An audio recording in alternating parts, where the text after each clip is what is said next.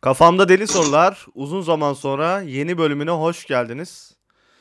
Ee, bir iki haftadır veyahut da üç haftadır bölüm gelmiyordu. Ee, en sonunda zamanlar ve e, mekanlar uydu ve yeni bölümü kaydetmeye başlıyoruz Buğra'yla. Merhaba Buğra. Merhaba herkese. Ee, uzun zaman sonra sesini duymak iyi geldi. Teşekkür Biz ederim. gerçi Uzun yayından önce sonra. konuştuk ama çaktırma. Ya bana da iyi geldi ya. Uzun, cidden iki haftayı falan geçti. Hı hı. Ee, bugün biraz daha insanları cezbeden psikolojik terimler üzerine yani psikolojik durumlar üzerine terim demeyelim de çünkü e, profesyonel falan değiliz. Kaygı, endişe üzerine konuşacağız. Ee, nasıl başlayalım? Kaygı nedir? Direkt öyle mi başlayalım? Yani kaygı nedir? Ne de başlayabiliriz. Yani e, kaygıların kaynaklarıyla da işte daha sonra hani devam edebiliriz. E, çünkü kaygının gerçek sebepleri var. İşte bizim kendi kendimize e, tırnak içinde uydurduğumuz bazı kaygılar var. Hı hı. vesaire. Hani o, o kanallardan devam edebiliriz. Çünkü zaten konuştuğumuz e, şeyleri ve üzerinde durduğumuz e, duyguları hemen hemen herkesin anlayacağıyla anlayacağı kanaatindeyim. Öyle. Öncelikle yani hemen şunu söyleyeyim hepimizin o zaman. Kaygı ile endişe aynı şey mi? e, kaygı bir tık daha ileri boyut. Ya bunu örnek, direkt bir basit bir örnek verirsen nasıl örnek verirsin? Şu Ee, endişe bu şöyle kaygı mesela. Yani şöyle söyleyebilirim. Kaygı daha sonraki e, durumlarda bozukluğa doğru, yani kaygı bozukluğu denilen e, bir psikolojik duruma doğru götüren bir şey. Yani sürekli kaygılı hissetmek bir yerden sonra insanda bir refleks haline geliyor ama endişe öyle değil. Yani bir durum karşısında mesela endişe edebilirsin. Tamam mı? Hani şu an bir şey vardır, bir konuda endişelisin. O konu düzeldikten sonra senin endişen kaybolabilir. Ama yaşadığın bir durumdan dolayı kaygılısın ya, durum düzelmesine rağmen kaygı halin değişmeyebilir. Çünkü daha derin bir şey yaşamışsındır orada. Durum düzelmiştir ama sendeki etkileri travmatik olarak geçmemiştir. Ee, şöyle örnek vereyim ben Ya- mesela şimdi mezun oldum. Türkiye'de de ekonomik şartlar belli. Bir işsizlik var. e, istihdam hı. sorunu var. Şu an mesela e, benim gibi milyonlarca insan şey düşünüyor. Acaba e, işte bir de işsizlik psikolojisi vardır ya. Hı hı. e, para kazanamıyorum, geleceğim ne olacak vesaire. Bu mesela endişe mi yoksa kaygı mı? Bu kaygı. Ee, endişe senin işte artık üçüncü sınıfa falan geldiğinde ya biz iş bulabilecek miyiz acaba falan diye aklına gelen sorular. Orada bir endişe var. Ya biz okuyoruz da devamında ne olacak? Ama artık durumla yüzleştiğin durum o, o an var ya. Hı hı. Yani evet ya ben bitirdim şimdi ne olacak? Artık orada kaygı devreye giriyor. Hmm. Bak bu örnek çok güzel oldu. Tam böyle akıllı oturma Bu bakımından. şekilde. Yani hani bir sınavdan dolayı endişe duyabilirsin tamam mı? Hı hı. Yani ya yarın sınavım var ne yapacağım şeklinde bir endişe desindir. Verdikten sonra o biter o olay. Ama kaygı o yaşadığın o yoğun duygu var ya Hı hı. durum geçtikten sonra da sende onun travmatik etkileri kalabilir. O zaman şöyle diyelim. Üniversite sınavına deli gibi çalıştın. Ee, çalışıyorsun. Evet. Sınava gireceksin. Girmeden önce endişeli hissediyorsun. Sınav kötü geçiyor. Kötü geçtiği için kaygılanıyorsun. Aynen öyle. Aynen öyle. Yani evet bu örnek de uydu. Hani bir adım ötesi kaygı zaten onun bir adım ötesi artık kaygı bozukluğuna gidip orada gerekirse kimyasal hani ilaçla müdahale gerekiyor. Psikiyatrik bir şey gerekiyor. Yani herhangi bir telkin ya da bir e, telkinden kastım yani bir klinik psikoloji olarak. Hani Bu bir seanstan falan ziyade bunlarda mı veriliyor yoksa başka bir şey de mi bu tarz durumlarda yani yalnızca karşılıklı bir muayene etmenin e, yeterli olmadığı, seansın yeterli olmadığı e, bir kimyasal müdahale gerektiğinde kaygı bozukluğuna o gerekebiliyor. Tü- Hmm. Bizim millet çok vardır. Anksiyete de buna dahil. Panik atak. Hı hı.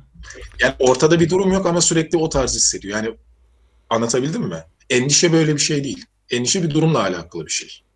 Olan bir şeye karşı verilen tepki. Evet, kaygı tekrar hani bu önemli diye söylüyorum. Bir durumdan dolayı kaygılısın. Durumu hallettin tamam mı? Ama sendeki o onun o etkisi hala sürüyor. hala bir şekilde tuhaf bir durumda anlamlandıramadığın bir şekilde hala daha kaygılı hissediyorsun. Ve bu bitmiyor. Buradan sonra artık kaygı bozukluğu devreye giriyor. Yani şöyle diyelim. İşte yakın zamanda İzmir'de büyük bir deprem oldu. İnsanlar o kadar korktu ki en ufak bir şeyde sanki deprem oluyormuş gibi bir hissiyata kapılıyor. Durmadan bir deprem olacakmış psikolojisi. Orada bir tık sadece şey de var ama yaşamış olduğu travmatik bir durum var orada. Ama o travmatik Travma- durumun verdiği kaygı bozukluğu olamaz mı? O da var ama hani evet o zaten var. Ama bir tane travmatik başka bir e, süreç var orada. Yani Ha bir, şöyle gerçekten bir bu travma. belli bir zamanda geçebilir. Ee, işte belli bir destekle falan. Ama gerçekten e, kaygı bozukluğu olsa ömür boyunca devam ediyor aslında. Hayatı E, boyunca. tedavi tedavi olmadığı sürece. Bir tedavi gerek evet öyle oluyor. Ya bir tedavi anksiyetenin bir tedavisi var mı? Anksiyetenin mi? Anksiyetenin tedavisi var. Anksiyetenin e, durumlarına göre de değişiyor. Mesela şimdi şöyle söyleyeyim. Burada teknik terimlere girmek durumundayız. E, hani bilenler ya bilmeyenler için söyleyeyim. Ben aynı zamanda PDR'den yüksek lisans düşündüğüm için e, daha önce de hani bu konularda böyle birkaç geçmişim olduğu için vesaire biraz ya çok az vakıfım diyebilirim. Şöyle bir durum var. Hani bu duyarız ya psikolojik danışman, psikolog ve hı. psikiyatr. Bunların farkı ne? Şöyle açıklayabilirim. Psikiyatr e, hani ruh hastalıkları uzmanı diye geçer ya. Hı hı. Tabii bu ruh bizim hani e, manevi anlamda anladığımız ruh olarak geçmiyor literatürde. Yani onun bir hastalığı olmaz. O ayrı bir şey de.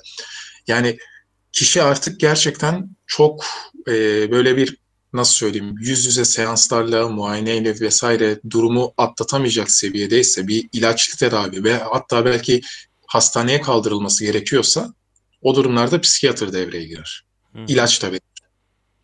Ama hani artık çok daha ayrı bir durumsa akıl hastanesine yatırılır. Psikolojide, psikologlarda, klinik psikologlarda e, kişinin psikolojisinde bir sıkıntı varsa, bak psikiyatrınki çok ayrı bir şeydi. Orada bir kimyasal bir ilaçla müdahale gerekiyor beyne. Hı hı. Psikologlarda e, kişinin psikolojisiyle alakalı yerine oturmayan şeyler varsa psikologlar bakar. Psikolojik danışmanlarda kişinin psikolojisi de iyi, ruh hali de iyi ama uyum sorunu yaşıyor. Yeni bir yere taşınmış, yeni bir okula başlamış, yeni bir ilişkiye başlamış, evlilik hayatına girmiş. Bazı durumlarla alakalı e, uyum sorunu yaşıyorsa psikolojik danışmanlar devreye girer. Anlatabildim mi? Şimdi burada yani anksiyete, kaygı, kaygı bozukluğu bunların seviyesine göre bu uzmanlıkların hangisine başvurulacağı değişir. O yüzden bunları anlattım. Hı hı. Anladım bak mesela bu bu detayı bilmiyordum ben psikolojik danışmanlık. Aslında psikolojik danışmanlık biraz şey gibi. Yıllık yaptığın check-up gibi. Sağlıklıyken bile gidiyorsun. Evet psik- zaten sen gidiyorsun orada psikolojik danışman şunu der ya bu beni aşıyor. Burada kişinin psikolojisiyle alakalı bir Hı sıkıntı var. Daha derinlerde belki hani obsesif kompulsif duruma gelmiş. Yani sürekli sanki böyle bir hani adam 50 kere elini yıkıyor günde hala da 51.'inde hani mikrop var zannediyor falan. Hani bu böyle bir psikolojik danışmanla hemen atlatılabilecek bir durum değil. Yani bunların aşamasına bağlı. O yüzden bu kadar teknik örnek verdim. Neye bağlı olduğuna, kişideki derinliğine bağlı yani. Ya ben anksiyete neden e, işte tedavi ediliyor mu diye sor, sormamın en büyük sebebi benim mesela çevremde bazı insanlar vardır. İşte yıllardır şey diyor bende anksiyete var. E demek ki bu tedavi ediliyorsa neden olmuyorsun abi yani durmadan bunu söylüyorsun falan. Demek ki burada gerçekten anksiyete yok e, başka bir şeyler var. Ya şöyle olabilir. Öğrenilmiş çaresizlik diye bir şey var ya. Kişi bunu biliyordur kendisinde. Alışmıştır. Anlatabildim mi? Bak şimdi enteresan bir şey söyleyeceğim. Bizi temelde yoran şeyler o yaşadığımız durumdan ziyade o durumu atlatmak için harcadığımız enerjidir. Hmm. Anladın mı? Hı hı. Onunla mücadele etmek seni yorar. Bu niye böyle? Bunun değişmesi lazım. Bu niye böyle? Temel yorgunluk bu e, durumu bertaraf etmekten kaynaklanır. Kişi şunu derse bir dakika bende anksiyete var. Tamam ben bu durumlarda stres oluyorum. Diye kabul ettiğinde burada biraz öğrenilmiş çaresizlik devreye girer. Hmm. Ve kişi kendisine bu konuda der ki tamam ya ben de böyleyim. Bu benim için bir sorun değil. Zaten kendimi tanıyorum dedikten sonra yorgunluğu diğerine göre daha alt seviyeye düşer. Çünkü diğeri sürekli onu halletmeye çalışıyor. Ben niye panik oluyorum? Ben niye panik oluyorum diye kendini yoruyor. Anlatabildim mi ne demek istediğimi? Hani o söylediğin örneklerde kişideki işte öğrenilmiş çaresizlik başlar ve der ki ya tamam benim bir müdahaleye ihtiyacım yok. Ben zaten kendimi biliyorum. Stres olduğum durumları biliyorum. Baş etmeyi de öğrendim deyip e, bununla yaşayabilir yani. Yani bilmiyorum çünkü genelde öyle söyleyen insanlar aslında biraz e, belli stres yaşamak, yaşamaktan kaçınıyorlar. Çünkü aynı şeyleri biz de hissediyoruz. Yani benim de stresten uyuyamadığım, elimin ayağı titrediği oluyor ama ben gidip de bende anksiyete var demiyorum yani açıkçası. Ha yani evet şöyle bir şey olabilir. Anksiyetenin daha şahsın için demiyorum. Anksiyetenin daha ileriki bir noktası olur. Kişi bir isim vermeden yine yaşamaya çalışıyordur. Ya da kişi çok daha bu konularda önlemli ve tedbirli davranıyordur. En ufak bir duygu değişim halinde bir danışmanlık hizmeti ne gitmek istiyordur vesaire. Yani bu da hani kişilere göre çok değişiyor. Kişide yaratıcı etkiler. Aynı olayları yaşıyoruz. Ee, bin bir farklı tür ortaya çıkıyor. Duygusal olarak. Halbuki yaşanan olaylar aynı. E, tabii canım şimdi Yani anksiyete şeyi de farklıdır. Bazısı mesela bayılır, bazısı ağlama krizine girer, bazısı sinir krizine girer vesaire. Tepkisi de farklı Yani- olabiliyor galiba bunların. Ya gülme krizine girenler var. Değil mi? Yani- Aynen. saçma sapan gülü saçma sapan gülüyor mesela. Yani ya da ondan sonra hemen ağlamaya başlıyor. Ya kişiye göre değişen şeyler bunlar. Ee, burada hani şey vardı ya hep konuştuğumuz kişinin kendini bilmesi. Hı hı. Yani burada da yine iş biraz oraya geliyor. Yani ben burada ne yapmalıyım şeklinde. Bunların derinliği de hani o yüzden o biraz terimsel kullandım. Hani PDR'yi, psikolojiyi, psikiyatri. Hani dinleyenler eğer bu konuda eksik bilgileri varsa onlar da ona göre ölçerler. Bendeki bu durum acaba nereye tekamül ediyordur şeklinde. O zaman şöyle yapalım. Ee, ya da ilk başta şey diyeyim. Benim kaygı bozukluğum olduğunu nasıl anlayabilirim? Ya bunu nasıl test edebilirim? Kaygı bozukluğu. Ya kaygı, e, anksiyete mi dersin, kaygı bozukluğu mu dersin? Onun belli bir testi var mı yani? Ee, şöyle zaten ikisi birbirinden farklı bak. Kaygı da farklı, kaygı bozukluğu da farklı. Şimdi şöyle bir şey var. Ee, ifadeye pek belki hoş olmayabilir ama bir gerçek acılar vardır, bir de uydurulmuş acılar vardır diye yani böyle ikiye bölenler vardır. Hı hı. Tamam mı? Yani kişinin gerçekten e, e, nasıl söyleyeyim hayatına baktığında insani şartlar altında yaşamıyorsa tamam yani barınmasıyla alakalı yemek geçimiyle alakalı e, aile durumuyla alakalı mesela dünyada milyonlarca insan ciddi anlamda sıkıntıda. Hı hı. Bu insanların hayata bakışlarında ağırlıklı olarak kaygı, umutsuzluk olması normal. Bunlarınki normal. Yani bunların e, bu durumların düzelmesi için hayat standartlarının, hayat şartlarının değişmesi lazım. Yani insani bir boyuta gelmesi lazım. Bir de bazıları var ki dışarıdan da baktığında aslında o kişi dönüp kendisine de baktığında o şekilde bir kaygı bozukluğu yaşamasını gerektirecek bir hayatı yok. Hayatındaki şey ifadesi vardır ya mesela hayatında var olanları saymaktan yok olanlara sıra gelmez. Hemen hemen her şeyi yerinde. Hani hali vakti yerinde ifadesi bizim. Türkçeyle. Ama hayat hayat standartı insani seviyelerde olmayanlar kadar kendini umutsuz, mutsuz ve kaygılı hissediyor. İşte burada analiz etmek lazım. Çünkü diğerinin analizi kolay. Onun hayat standartları çok kötü olduğu için öyle hissetmesi normal.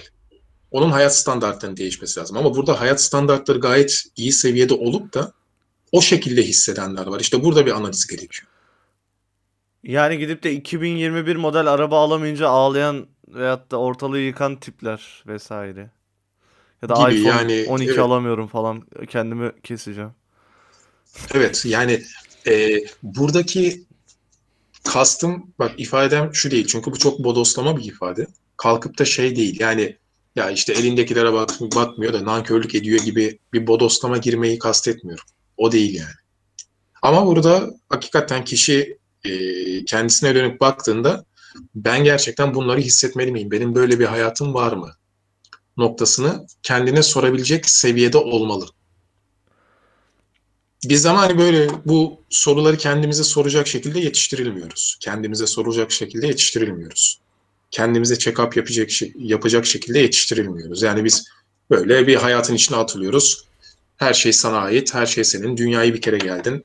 Bak elinde fırsatlar var. Haydi bak diğerleri nasıl yapıyor. Bir tane böyle belgeseller vardır ya başarılı insanlar. Evet. Böyle birkaç tane örneklem vardır. Çok saçma geliyor bana onlar ya. Sen yapamayınca da sistem sana şunu der. İşte bak yapan yaptı, sen yapamıyorsan senin beceriksizliğin. Bu sefer kişinin kendine yüklenmesi başlıyor.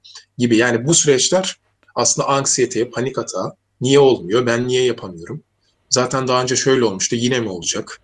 İşte şunun şunun örneği var. Zaten ben daha önce yapamamıştım ki gibi. Kendisiyle barışık olmadan başladığı bir durum ortaya çıkıyor. O zaman şöyle yapalım. Ben mesela kendi e, şeyimden örnek vereyim. Ben mesela kendimi anlatayım. Sen beni analiz et. Nasıl abi? Estağfurullah. Yani e, şey olsun, örnek olsun mesela. Çünkü bende şey kafası vardır ya işte ben kendimi seyircinin yerine koyuyorum. Dinleyicinin pardon. İşte ben 26 yaşına geldim. İyi kötü üniversite bitirdik. Korona salgını başladı falan. Ee, okuduğum bölümle alakalı iş olanakları çok berbat. İşte Evet. özel okulda okudum falan. Ee, bu zamana kadar eğitime de baba gibi para verdim falan. Ama şimdi bir işe girsem falan adamlar gidip mesela sana gidip asgari ücret falan teklif ediyor. Öyle bir tezatlık var falan. Ee, onun haricinde işte e, 26 yaşına geldim. Ne zaman bir hayat kuracağım, evleneceğim de yurt dışına çıkma hayali. Ay, Dolar olmuş, avro olmuş kaç para. Ülkede bir Hı. güvenlik krizi var. Her gün şehit haberleri geliyor. İnsana saygı kalmamış. Yani gelecek olarak inanılmaz bir karanlık var. Ee, bunu her ne kadar artık şey yapmasam da konuşmak istemesem de e, hümanist bir insan olmama rağmen insanlara da karşı artık bir şey yapmaya, iş- içten içe bir şey yapmaya başladım. Artık yeter yani. Tahammülsüzlük de başlamaya başladı. Çünkü gerçekten insanlar saçmalıyor. Ee, işte ne derler kadına şiddet, hayvana şiddet, işte kimse birbirini çekemiyor vesaire bir kaos var yani şu an ortalıkta. Evet. İşte intihar ediyorlar, toplu intihar. Ya insanlığımı kaybetmiş gibi hissiyat var şu an içimde. Geleceğe karşı da belli bir şey var. Yani benim şu an yaşadığım ne sence? Umutsuzluk. Değil mi? Bir umudun yok. Ee, Tutunacak bir dal yok. tutunacak bir dal yok. Bir çıkış noktası bulamıyorsun gibi durumlar. Ee, bunlar işte kaygılanmanın, stresin vesairenin getirdiği noktalar. Yani gelecekle alakalı stresin vardı. Hani dediğim gibi okulda mesela işte 3. sınıfta. Ya bitirince ne olacak gibi. Bitirince o kaygıyla yüzleşme hali başladı. Ee, bir de mesela okulda bir uğraş vardı vesaire bir şey vardı ya. Hı hı. kendini e, hem dönüştürdüğün, bir dönüşüm içinde olduğun yani sınavlar, dersler, arkadaş çevresi, şu bu vesaire. Bir şekilde insan o süreci atlatıyor. Ama şimdi evdesin, gözlemlemen diğerlerine, diğer yaşadığın dönemlere göre daha fazla. Daha çok Çünkü farkındalığımız boş artıyor. Boş Kendimiz. vaktin daha fazla. E, vaktini kendin istediğin her şekilde değerlendirebilirsin. Tüm gün uyuyabilirsin, tüm gün okuyabilirsin, tüm gün oynayabilirsin vesaire. Dolayısıyla gözlemin artıyor. Gözlemin arttığı için aslında daha önceden olmuş olan şeyler de yaş ilerlemesiyle birlikte daha fazla oluyormuş gibi ön plana çıkıyor. Değil mi? Önceden Yani- takmadığın şeyler böyle yüzüne şak diye vuruyor. Yani evet bak şimdi mesela burada bizi o yaşlarda mutlaka dinleyenler vardır. 2010'a dönelim bak 11 yıl öncesine gittim. Hı hı. Senin şu yaşadığın kaygı ve stres var ya 2010'da 26 yaşında olan bir genç de bunları yaşıyordu. Bundan eminim. Ha, tek bir fark belki virüs sıkıntısı yoktu. Aga o Yani zaman ekonomi şu- iyiydi ama şimdi. Ekonomi iyiydi. Bak ekonomi ama mesela başka şeyler devreye girecekti. O zamanla alakalı Türkiye'nin siyasi şartlarını insanlar düşünsün. Parti adı vermeyeyim, başka isim vermeyeyim. Ee, yani anlatabildim mi? Çok değinmek istemediğim bazı konular var. Hani Hı hı. e, işte yok şu süreci, bu süreci, Hı hı. Ergenekon'dur, şudur budur. Hı hı. Ülke nereye gidiyor? Biz ne yapacağız? İşte sınır kapılarından bilmem kimler karşılanıyor. Biz bu ülkede kalıyoruz da ülke bölünecek mi? Ne demek istediğimi anladın Hı mı? hı. Ondan 10 yıl öncesine gittiğinde zaten 2001 ekonomik krizi var. Ondan 10 yıl öncesine gittiğinde 94 krizini hazırlayan süreç var. Ondan 10 yıl öncesine gittiğinde darbe var. Bak anlatabiliyor muyum? Hı hı. Yani e, durumlar yıllar ilerliyor. Sadece kaygılandığımız olaylar değişiyor ama kaygı duygusu değişmiyor. Kişinin önce bunu fark etmesi lazım. Yani bu ülkede yaşayan ya da başka bir yerde yaşayan herhangi bir insan şu noktaya geldi mi? Ya evet ya kadına şiddet yok, hayvana şiddet yok, hiçbir işsizlikle alakalı bir şey yok. Ekonomi tıkırında. Sokağa çok rahat çıkıyorum. Abi yaşasın mükemmel. Noktasını yaşayan herhangi bir insan var mı? Bizi dinleyenler içinde kendisine bir sorsun. Ya da kaçtır yani bunun ortalamasını alsak. Yok. Bu şartlar Şimdi, yoktur. Aynen. Bunu fark ettikten sonra tamam mı? Şartlara yüklenmek yerine kendi bakış açınla alakalı gelişimlere, değişimlere gitmeye başlıyorsun. Anlatabildim mi? Tam açar mısın son söylediğini? Yani şunu ot bak şu bir yöntem. Şimdi yöntemleri konuşuyoruz tamam mı? Hani çözüm olayını değil. Şu bir yöntem. Lanet olsun ben niye buradayım? Çok kötü her şey. Sokağa çıkamıyorum. Şöyle oldu, böyle oldu. Ee, şunlar çok iyi yerlerde yaşıyor. Ki seninle daha önce konuşmuş olduğumuz Hı hı. şu durum hali de var ya. Kişi kendisinin olmadığı bir yerdeki hayatın daha iyi bir hayat olduğu yanılgısına kapılıyor. Yani bir yerlerde birileri çok mutlu, bir yerlerde birileri çok iyi yaşıyor. Bir yerlerde birilerinin hayat standartları, Yani hayat ama şartları tam çok öyle değil şimdi yani. Çoğu insana bakınca artık adam diyor ki lan oturacak bir yerim olsun falan e, belli bir düzenli bir gelirim olsun. Artık insanlar onu da düşünmüyor. O hale geldi. Bak benim zaten burada konuştuğumuz insani şartlar altında Yok yaşayanların. yani. Aga biz Hayır. ins- insani şartlar altındayız yani benim gibi şey yapanlar. E çünkü insanlardaki umutsuzluk vakası yüzünden öyle. Tamam adam şu an e, yediği önünde yemediği ardında ama kendi mesela şimdi bir de şey psikolojisi vardır. Aile evinde yaşamak da zor bir şey. Bir genç için, belli bir yaşına gelmiş bir insan için. Adam diyor ki lan ben şu evden çıkayım, kendi düzenimi kurayım. Bak Adam o tek zaman ne derdi o. olacak? Ay, bak işte orada şöyle bir saat etmesi lazım. Ee, bunu yaptı ya, çıktı gitti diyelim ki başka bir yerde. Hı hı. Bak şu illüzyonu olduğunu kişinin fark etmesi lazım. Yemin ederim kanıtlayamam diye bir laf var ya. Onu yaptığında kendi evine çıktı ya, bir hı. rutin bir yaptı bunu. Rutininden çıktı, yeni bir şey başladı ya hayatında.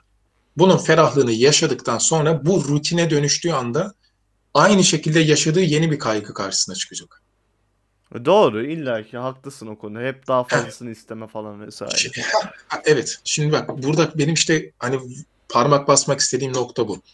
Eğer eee, şu standartlarım değişse, bu standartlarım değişse diye isyan edeceksek toplu halde bir isyan ederiz. Bu bir yöntemdir ama bir çözüm getirmez. Ben burada çözümcü bakıyorum. Hı hı. Yoksa biz burada seninle şu muhabbeti de yaparız. Hakikaten her şey çok kötü. Zaten virüs var dışarı çıkamıyoruz. Dışarı çıksak da yaşayacak mıyız belli değil. Ülkenin ekonomisi belli. Bölgenin gidişatı belli. Ee, bunu böyle sabaha kadar geyini yaparız yani. 4 saatte sürer bu program. Bizi dinleyenler de Aa, hakikaten ha, Allah kahretsinler.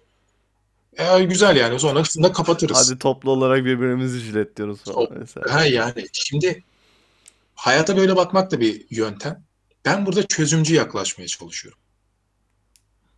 Çünkü çözümcü yaklaştıktan sonra kendi bakış açını ve kendi iç dünyanı değiştirdikten sonra şartlar aynı olsa da sen aynı şartlara farklı baktığın için hislerin değişiyor. Yeni pencereler açıyorsun. Çünkü diğeri bir çözüm getirmeyecek. Ha, şunu derse kişi, yo ben anarşist bir insanım, düzeni değiştireceğim. ama buyursun değiştirsin. Biz burada normal hani ev halinde yaşayan bir hayat standartı içinde kendini idare eden insanlardan bahsediyoruz. Hani çok ayrı idealistlerden değil. Biz burada normali konuşuyoruz şu an. Hı hı. Anlatabildim mi? Yoksa e, diğerleri hani çok uç noktalar. Biz normal standartları konuşuyoruz. Şimdi İnsan evladı kişi- olsun. Ha ya yani benim burada demek istediğim e, ya işte halin vaktin yerindeyse şükret he he falan deyip böyle bir bodoslama girmek değil bak. Bu kesinlikle değil. Bu bir e, yöntem değil. Kişinin bunun bir illüzyon mu? Ben böyle bu düşünceler içinde e, sürekli kendimi işte belki yemek yemeyecek kadar kendimi yıpratıyorum, uyku düzenimi mahvediyorum vesaire. Fakat eski yaşantılara falan baktığımda yani benden önceki nesle bakıyorum, bir öncekine bakıyorum. Herkes şunu diyor bir şekilde. Bir yaşa geldikten sonra. Ya eskiden iyiydi. Herkeste bu var. Ama eskiden iyiydi ifadesini kullanan herkes o dönemleri yaşadığında evet ya çok iyiyiz demiyordu. Şimdi bak seninle 2013'e gidelim Mert. Hı hı. Yıla. Hı hı. Biz şimdi bugünden o günlere bakıyoruz. Diyoruz ki ne kadar iyiydi değil mi? Ya şöyle sorumluluk olmadığı için iyiydi aslında benim için. A, Tam, ama şöyle bir şey var. Tek derdim 2013'te Metin biz 2'de level kasmaktı. tamam ama işte şu, parmak basmak istediğim nokta şu. Biz seninle 2013'teyken çok güzel günlerdeyiz demiyorduk. Yani o zaman da hayvan gibi siyaset konuşuyorduk aslında. Bak işte demek istediğim bu. Eskiden iyiydi anı, e, yanılgısına düştüğümüzde tamam mı? Hı hı. Buna bugünden bakıyoruz geçmişe. O günleri yaşayan hiç kimse çok iyiyiz ve yaşasın demiyordu. Zaman ilerledikçe eskiden iyiydi geyiği başlıyor. Ama eskiyi yaşadığımız dönemlerde yani o günlerdeyken evet ya çok iyiyiz abi daha ne olsun ki işte demiyorduk. Buna demek istiyorum. Ya burada şey mi? tribi var işte. İnsan her kötü bir şey yaşadığında üst üste binince daha da kötüleştiğini düşünüyor ya psikolojik olarak. Biraz onun efekti olabilir. Yani Türkiye'de bir ara bombalar patlıyordu vesaire. Bundan daha kötüydü. Can güvenliği sokağa çıkamıyordun. Abi her hafta sonu 2016 işte. Toplu Hani- yerlere gidemiyordun vesaire. Zaten Gezi Parkı vesaire. Halk Bak hep işte- polise çatıştı. Bir sürü şey Evet. oldu ama işte böyle şeyler üst üste binince yok darbe oldu. Hepsi birikiyor abi. Ee, Birikiyor, birikiyor, birikiyor. Şu anki hale geliyor. Şimdi bir de parasız da olunca millet önceden şeydi tamam. iyi güzel her olay oluyordu ama cebimizde bir iyi kötü para vardı bir şey. Bir yere gidebiliyorduk. Şu an o da yok mesela. İnsanlar eve tıkıldı falan. İşte gidip eee ayçiçek yağıyla ilgili TikTok çekiyor insanlar artık. Öyle öyle evdeki yağ mı ne diyorsun sen falan diye hani bayılma videoları falan çekiliyor. Ee, mizah amaçlı. Yok O yüzden umutsuzluk aslında çok güzel söyledin. Bir umutsuzluk var herkeste. Kaygıdan ziyade. Şimdi bak şu süreç virüs süreci çok ekstra bir durum. Yani e, yine daha önce konuştuğumuz programlarda demiştik ya insan e, e, nasıl söyleyelim insanın dayanma gücünü çok fazla aşan sınırlardayız şu an. Hı hı. Yani insan, psikolojisini, insanın e, evet dayanma sınırlarını bir ifade vardı onu hatırlayamadım bir türlü. Çok aşan noktalardayız. Bu virüs süreci böyle. Sadece şunu demek istiyorum. E, dediğim gibi bak hani duralım halimize vaktimize şükredelim değil. Bir şeyi fark ettirmek derdindeyim. Yani bu virüs olmasaydı da biz yine şu an bir şeylere sövüyorduk. E, bizim ekonomimizin iyi olduğu yılları örnek verdin ya. O yıllarda da yine şartlara sövüyorduk. Evet. Şimdi bugünlerden o günlere bakıp diyorsun ki o günler iyiymiş. Yani en azından işte virüs yoktu. En azından cebimizde Dolar paramız bir vardı. eee, ondu falan hesabı. Dolar, fakat o günlere git yine şartlara sövüyorduk. O zaman da bilgisayar alamıyorduk. Şimdi de bilgisayar alamıyoruz. Yani işte anlatmaya çalıştığım şey bu. Bak yanılgıdan, illüzyondan kastım bu. Yani hiç kimse 2006'da yaşasın be işte bu ya. Daha ne olacak ki işte bu ya abi demiyordu ki. Yine e, üniversiteyi bitiren insanlarda stres vardı. Gerginlik vardı. Yine ülke siyasetinde kendi Belli başroller dönemler vardı. vardı. Hani işte Amerika bölgeye gelmişti. İşte ülkeler işgal ediliyor. Yani bak kastettiğim bu. Çünkü niye biliyor musun? Şuradan şuraya geleceğim. Hayat böyle bir şey. Hı hı. Yani hayat bizim böyle gelip de tesadüfen ya da gönderilmiş olarak hiç fark etmez. Şimdi bak burada bir şey söylemek istiyorum. Eğer tesadüfi biz var isek, çünkü hani her türlü inanıştan insan var. Hı hı. Tesadüfi olarak var isek, tesadüfün olduğu yerdeki ana amaç mutluluk olamaz. Çünkü bir rastgelelik. Bir amaç yoktur. Bir kaos ortamı. Eğer biri bizi gö- gönderdiyse, gönderen kişi de diyor ki siz oraya lay lay lom yapın diye göndermedim. Dolayısıyla yine ana amaç vur patlasın çal oynasın çok güzel bir mutlu hayat değil. Anlatabildim mi ne demek istediğim? Hı. Hayat böyle bir şey. Şimdi bazılarının zihninden şu düşüncelerin geçtiğini düşünüyorum. Arkadaşım İskandinav ülkeleri böyle değil. Finlandiya, İsveç böyle değil. Tamam. Gidelim 65-70 yıl önce İsveç'e, o bölgeye. Nazi işgali vardı. Bugün örnek aldığımız ülkeler o, dün, o durumlarda çok kötüydü. Biz yanlış hatırlamıyorsam e, dinleyiciler daha iyi biliyordur. Danimarka'ya ya da Finlandiya'ya Atatürk döneminde savaş uçağı satıyorduk. O ülkeler o dönemlerde öyleydi. Şimdi bunlar da hani dünyada ülkelerin tarihlere göre rol değişimlerinden kaynaklanan bir şey. Bizim dön- denk geldiğimiz dönemde o ülkeler refah içinde. Ama işte bundan 70 yıl önce işgal altındaydı. Anlatabildim mi? Yani dünyada da böyle değişimler olur. Bazen bazı bölgeler yükselir, bazen bazı bölgeler alçalır. Bu da hayatın bir döngüsü. Anlatabildim mi? Hı hı. Yani kişi illa ki şunu diyorsa arkadaş ben işte yani 1990'da İsveç'te doğacaktım abi. Tamam da bak bir çözümün yok.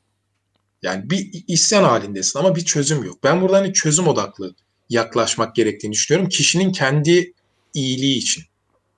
Psikolojisinin daha yerinde olması için. Yoksa oturduğumuz yerden şu yok bu yok diye e, isyan edip kendi kendimizi strese sokup kaygıya içsel olarak sokabiliriz.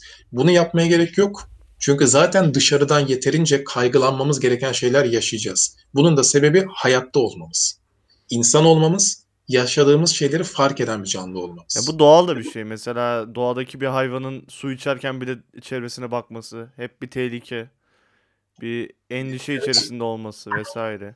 Hayatta kalma içgüdüsünün verdiği bir şey aslında. Bu yetenek. Çünkü kaygı veyahut da endişe olmazsa dışarıdan gelecek tehlikelere karşı da savunmasız oluruz bir tık. Bak hem o olur hem de şöyle bir şey var. Kaygı ve huzursuzluk neyi sağlar biliyor musun? Bir şeyleri değiştirmen gerektiği dürtüsünü sana verir. Sen hep mutluysan uyuşuk uyuşuk yaşarsın. Koala gibi yatarsın. Aynen yani hiçbir şey değişmeye gerek yok. Ama bir huzursuzluk, mutsuzluk hissediyorsan bir şeyleri fark etmem lazım. Bir şeyleri değiştirmem lazım. Bir şeyleri geliştirmem lazım. Dürtüsünü sana veren bu içsel huzursuzluktur. Bizim burada nesil olarak, buna bilerek bak nesil diyorum. Daha öncekilerden farklı olarak teknolojik ve sanal dünyanın içinde var olmamız hayatın döngüsünü okumamızı engel oldu. Hayat nedir? Hayat nasıl akar? Bak sistem demiyorum. Hayat nasıl akan bir şeydir? Gibi soruları sormamıza engel oldu. Sistem içinde rol kapmaya çalışmaktan. Hı hı. Hepimiz sistem içinde bir rol almaya çalışıyoruz. İyi avukatlar olmaya çalışıyoruz, iyi psikologlar olmaya çalışıyoruz, iyi mühendisler olmaya çalışıyoruz vesaire vesaire. Ama bu bir sistemin içindeki bir rol değil mi? Hı. Hayatın içindeki bir rol değildir mühendislik. Anlatabildim mi ne demek istediğimi? Doğal bir şey değil. Sistemin içinde doğal bir şey değil. Ya gidip ATM'den Sonradan- para kazanıp hayatını devam ettirmek doğal bir şey değil aslında. Doğal bir şey değil. Sistemin içinde yani insanın kendi kendine kurmuş olduğu sistemin içinde bir hayat. Bir hayat sistemi. Ama hayatın kendi döngüsü. Böyle bir şey değil. Buraları biraz fark edip ya bir dakika tamam ben hayattayım da yani hayat nasıl akıyor abi bak işte her gün milyonlarcası ölüyor milyonlarcası doğuyor. Ee, daha önceki dönemleri ben işte okuduğumuzda falan filan ya hiç kimse abi şöyle düşün Aristoteles okuyanlar bilir gençlerden şikayet ediyor. 3200 yıl önce. Ya? Bak kaygılar aynı. Şartlar farklı ama duygular aynı. Aynı şeyler yaşanıyor. His olarak aynı şeyler yaşanıyor. Ya dışarıda, dış dünyada yaşanan şeyler farklı. Yaşanan hisler aynı. Bun, şöyle söyleyeyim, bu umutsuzluk verecek mi? Bundan kurtulamayacağız. Ama bu da diri tutacak. Abi bu insan olmakla alakalı bir şey. Yani bir rakunun çıkıp da benim gelecek kaygım var, evlatlarım ne yapacak demeyecek yani bir rakun. Bunu insan diyecek. Çünkü insan geçmişle gelecek arasında bağ kurup şu anını değerlendirmeye çalışan bir canlı. Anlamaya, anlam, anlamlandırmaya, var olma mücadelesi vermeye çalışan bir canlı. Şimdi sen kalkıp da benim kaygım olmasın, ben gelecekle alakalı endişe duymayayım. E, bu böyle bir şey olmaz yani. Bunu fark etmek lazım. Yani doğru. Doğru da işte beyin öyle bir şey ki eee, en yakınındaki ve somut olanı eee, şey yapıyor. Ona göre tepki veriyor. Daha geniş düşünmek için biraz daha kafa yormak gerekiyor. Yani ani üzüntü veyahut da bir olay karşısında ani tepki vermek üzüntüyle daha kolay bizim için. Böyle soğuk karşılamak herkes için e, bir şey değil. Bir yetenek aslında soğukkanlı olmak. Ya tabii ki tabii ki. Yani bu arada ben çok soğukkanlı da değilimdir. Sen beni biliyorsun. Yani yaşadığım olaylar karşısında çok soğukkanlı falan kalmam. Ama buradaki olay o ilk yaşadığın duygu hali var ya orada bir e, duygusal bir reaksiyon verebilirsin. Ama daha sonra bunun üzerine analiz etmek gerekir. Ve burada bak şunu vurgulamak istiyorum. Bu bizim konuştuklarımız hali vakti yerinde. İyi kötü şöyle böyle bir evi olan, e, yarınla alakalı çok ciddi rızık tehlikeleri olmayan falan insanlar için. Hı hı. Tamam mı? Hani orayı vurgulayayım. Gerçekten insani şartlar altında yaşayan bir insanlar, bir insana böyle şeyler söylemek dalga geçmektir. Bizim konuştuğumuz tırnak içinde biraz beyaz yaka. Hı hı. E biraz işte bak şu an bizi dinleyenler bir şekilde evdedir, bir şekilde ev- evinde teknolojik aletler vardır vesaire. Biraz onlar için. Yani kalkıp da bir Suriyeliye bunları söylemek hakikaten dalga geçmektir. Ya da bir Filistinliye falan. Yani Somaliliye vesaire. Yani o değil. Onlar zaten insan gibi yaşamıyor. Yani insan yerine konulmuyor. Bizim bizim vurgulamak istediğimiz nokta orası değil. Hani burayı ben bir daha söyleyeyim de. Hı Ya insanlar dünyada tepesine bomba düşüyor, sen neden bahsediyorsun gibi bir şey oluşmasın. Onları kastetmedik. Çünkü, çünkü bu bizim yaşadığımız işte abi atıyorum Bulgaristan'da da yaşıyor. Rus gençleri de yaşadı bunu. Yani hala yaşıyorlar. Ya şey Şimdi- geçen gördüm ya Avrupa'da neydi Hollanda'da mı ne gençleri %76'sı gelecek kaygısı yaşıyormuş. Ya yaşayacak Amerika'da da yaşıyor. Bak biz Amerika'yı Hollywood Hollywood gösteriyorlar da bir baksın insanlar. Los Angeles'ta kaç milyon insan Kaliforniya'da devletten karneyle yemek yiyorlar ya. E tabii canım. Bu Ee, hep- ama işte orada bu- da şey sıkıntısı var. Adam yemek alacak parası yok ama arabayla geliyor. Hayat biraz daha ucuz ya onlarda. Alım gücü Ya, falan. ha, ama tamam da şimdi bak o adam da kalkıp şunu demiyor. Ya e iyi işte da biz de arabayla gidip geliyoruz. İşte atıyorum Orta Doğu'da insanlar böyle değil. Yaşasın ben çok mutluyum demiyor. Onun da kendine ait bir kaygısı var. Aynen. İsveç'teki niye İsveç'te çok fazla intihar ediliyor? İnsanlar biliyor mu İskandinav ülkelerindeki gençlerin intihar oranı? Bilmeyenler araştırsın. Çok ciddi intiharlar var orada. Ya bunlarla baş etmenin tek bence yöntemi var. Çok da şeydir yani. e, tertemiz. Bir dine mensup olmak. Çünkü ben e, bazı insanlar görüyorum. Gerçekten okumamıştır falan. E, geliri falan da gerçekten kötü. Ya çok zengin falan değil. İşte kirada oturuyor. Zar zor geçiniyor falan. Ama görsen ne kaygısı vardı ne bir şey vardır. Şey diyor Allah büyüktür diyor anladın mı? Ya bu laf söyledikten sonra hiçbir şey kalmıyor geriye. O konuya ben de katılıyorum. yukarıda bir şey olduğunu e, kabul edince işte kötü veyahut da iyi her şeyin e, biraz farkına varıyorsun. O konu ben de katılıyorum ama burada biz biraz daha hani her insana hitap edebilmek amacıyla konuştuk ya. Hı hı. Yani inançlı inançsız. Hemen hemen her insana. Yani inanmasa da hani dedik ya biz tesadüfen buraya gelmiş olalım. Rastgelelik. Ya rastgelelikten bir yaşam doğduysa zaten bunun amacında hani mutlu olmak gibi bir şey olamaz. Zaten rastgele her türlü şey olur. Anlatabildim mi? Ama hani bir din varsa da zaten o dini indiren, gönderen ya siz orada vur patlasın, çal oynasın, 7-24 mutlu olun diye yaratmadım diyor yani. Hani sizi can korkusuyla, mal korkusuyla ve evlat korkusuyla sınayacağız diye şey var. Şimdi sana bunu söyleyen yaratıcıya ya tamam da ben niye endişeliyim diyemezsin. Çünkü o da onun kendi sisteminin öyle olduğunu söylüyor. Hani dolayısıyla burada bunları biraz fark etmek lazım. Ama dediğin kısma ben de katılıyorum. Bir bir şeye inandığında, yani bir şeye inandığında Allah de, Tanrı de, İsa de, Elohim de, e, Brahma de, Kozmos de, de, canın ne isterse de Enerji de. anksiyeten düşer. Bu psikolojik olarak tespit edilmiş bir şey. Zaten o yüzden farkında mı? Yani insanlar farkındadır. Son dönemlerdeki psikologlar, psikiyatrlar, hatta okullara PDR'de manevi eğitim diye bir şey geldi. İnsanlar bakabilir ders programlarına. Manevi rehabilitasyon. Manevi psikoterapi gibi. Hı hı. Derslerin, ya okulların adına göre değişiyor bu. Bu böyle boşuna gelmedi. Çünkü hakikaten hani var o yani bir tanrı olsun ya da olmasın insanın bir tanrıya inanması bunları azaltan bir şey. Dediğin noktaya ben de katılıyorum. Hı hı. Ama öbür türlü de bu sefer inançsızlar ne yapacak? E, İnansızlar zaten dediğin gibi İskandinav ülkeleri falan e, intihar ediyor. Yani burada da bu sefer inanan da şimdi özür dilerim yani bir örnek vereceğim. Burada da inanan da kendine bomba takıp patlatıyor yani. Yani Öyle zaten şeyler şey yok gerçekten. Ee, bir de şimdi o kavramlar neyse başka konu dışına çıkar da inanmanın verdiği şeyle alakalı. inanma çeşidiyle alakalı. Laf olsun Biz hani diye inananlar inanmak da var çünkü. ne? Laf olsun diye çevresindekilere inançlı diye inananlar da var o yüzden. Biz inanmak ve inanmak ihtiyacı diye bir program yapmıştık. Hı hı. Ee, hani dinlemeyenler bu konuyla alakalı bir bir şeyler falan hani bizden duymak isterlerse oraya bakabilirler. Yani böyle bu arada başka bir başlık atladın mı bu konuyla alakalı? Benim atladığım Yani- şey var mı? Aslında yani konuşabilecek dışarıdan- her şeyi konuştuk bence. Evet evet. Yani aslında e, tabii ka- 10. program falan oldu. Hep hani aslında vurgulamadığımız bir yer var. Hani oraya da yine bağlı kaldık. Bu hani tutarlılık açısından iyi. Yani kişinin fark etmesi. Yine burada bak farkındalık Hı hı. ve içsel ve dışsal denge. Yani genelde biz hep bu minimaldeyiz ya.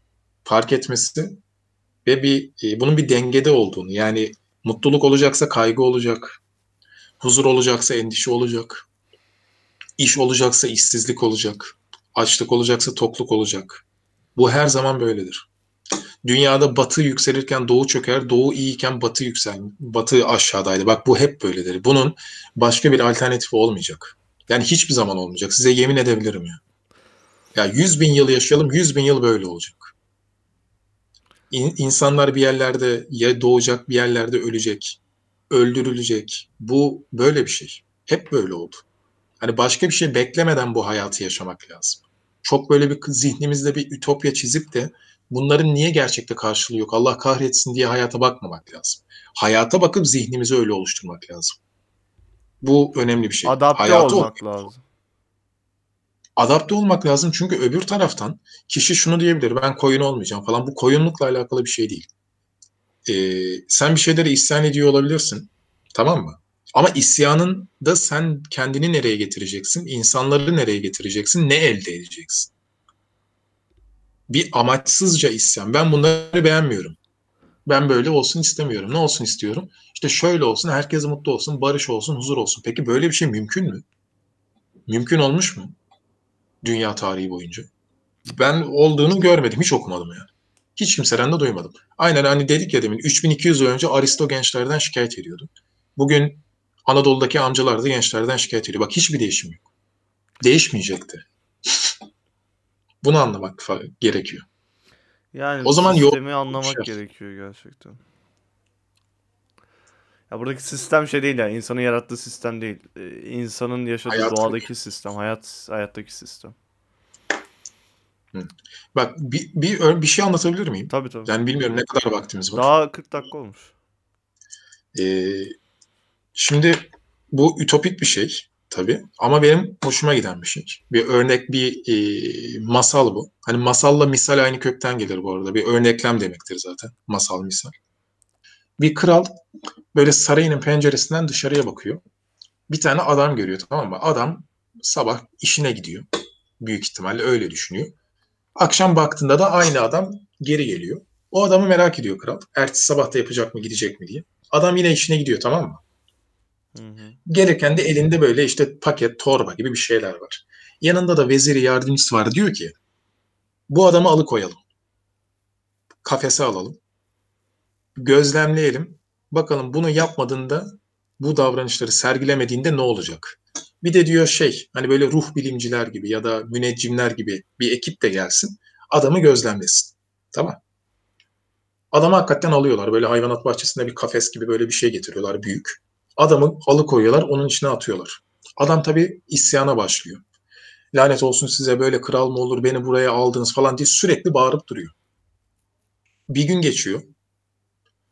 Adam artık etrafındakilere bağırmıyor. Yalnızca kral önünden geçtiğinde krala karşı bağırıyor. Kral her geçtiğinde bağırıyor. Onun haricinde bağırma yok. Daha sonra üzerinden bir süre daha geçtikten sonra kralı gördüğünde de bağırmaktan vazgeçiyor. Sadece krala böyle gözünden hani ateş fışkıran ifadelerle bakmaya başlıyor. Tamam mı? Müneccimler, yanındaki ruh bilimciler bunları not alıyor tabii. Üzerinden bir süre daha geçiyor. Adam tepki vermemeye başlıyor artık. Bir yılgınlık geliyor. Tamam mı? Yani kral geçse de bir şey olmasa da artık bir şey yok. Ama bu arada adamın adama yemekler falan veriliyor. Adamın duş ihtiyaçları karşılanıyor vesaire. Adam bir süre sonra şükretmeye başlıyor. Orada olduğuna dair. Müneccimlere falan diyor ki ben iyi ki buradayım. Bir süre sonra kral geçmeye başladığınca başladığında krala teşekkür etmeye başlıyor. Benim ekmeğimi, suyumu veriyorsunuz. Dışarıda bunların bir tehlikesi vardı, burada yok. Benim her ihtiyacımı karşılıyorsunuz. Çok yaşayın. Bir yerden sonra neredeyse krala tapınma noktasına geliyor. Bak bu olayı niye anlattım? Biz bu hale düştük. Bizler e, birçok şeye yalnızca uyuşuk uyuşuk tamam mı? Tepki vermeye başladık. Anlatabildim mi ne demek istediğimi? Hı hı. Şikayet et, et- etmedeki haldeyiz şu an. Adamı şikayet ettiği Deminki zamanlar. söylediklerimde çelişki gibi gözükebilir ama ben bunu şu olaydan dolayı verdim. Uyuşukluk halindeyken de e, isyan etmenin yani uyuşuklukla gördüğü kadarıyla isyan etmenin bir alemi yok. Bir şey değişmez.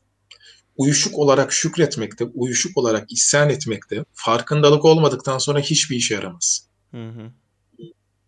Oradaki o isyan etme hali var ya, Hı. Bizler şu an toplumda uyuşmuş halde miyiz, farkında olarak mı yaşıyoruz? Sistemi farkında olmayı kastetmiyorum sadece. Bak benim burada kastettiğim şu değil. Dünyada bilmem birileri bu kadar zengin olurken bilmem bu kadar birileri mahvolmuş durumda. Bu ekonomik modelin değişmesi lazım. Zaten bu siyasiler gününü gün ediyorlar gibi sistem eleştirisi değil sadece. Hayatı farkında mıyız? Hayatın kendi döngüsünü fark etmek sistemin içinde uyuşmamak. Bu olayı bu yüzden anlattım. Deminden beri söylediğim şeylerle çelişki olduğu düşünülmesin. Şükrediyorsan da, isyan ediyorsan da farkında olarak yap. Hem hayatı hem sistemi. Hayatta sistemi özellikle ayırıyorum. Hayatın kendi döngüsünü de sistemin bize dayattığı şeyleri de farkında farkında olmak. Bak hep aynı yere geliyoruz. Fark Hı. ederek. Doğru. Çünkü güzel bir işe yarar. bu arada. Ben ileride satarım bunu ortamlarda. Yani sat, anlat, karı kız düşür. Yok, İstediğini öyle, yap. öyle şeylerimiz yok. Eyvallah. Yani hani bu- bunu anlatmak istedim. Evet evet güzel ya. Ee, o zaman e, bitirelim. Ağzına sağlık. Yok, ne demek ya? Estağfurullah. Güzel güzel sağlık, bir sohbet oldu uzun süre sonra. Ee, dinleyenlere teşekkür ediyorum dinlediğiniz için. Ben de teşekkür ederim. Gelecek bölümlerde görüşmek üzere. İnşallah faydalı olmuşuzdur. İnşallah umarım. Hadi bay bay.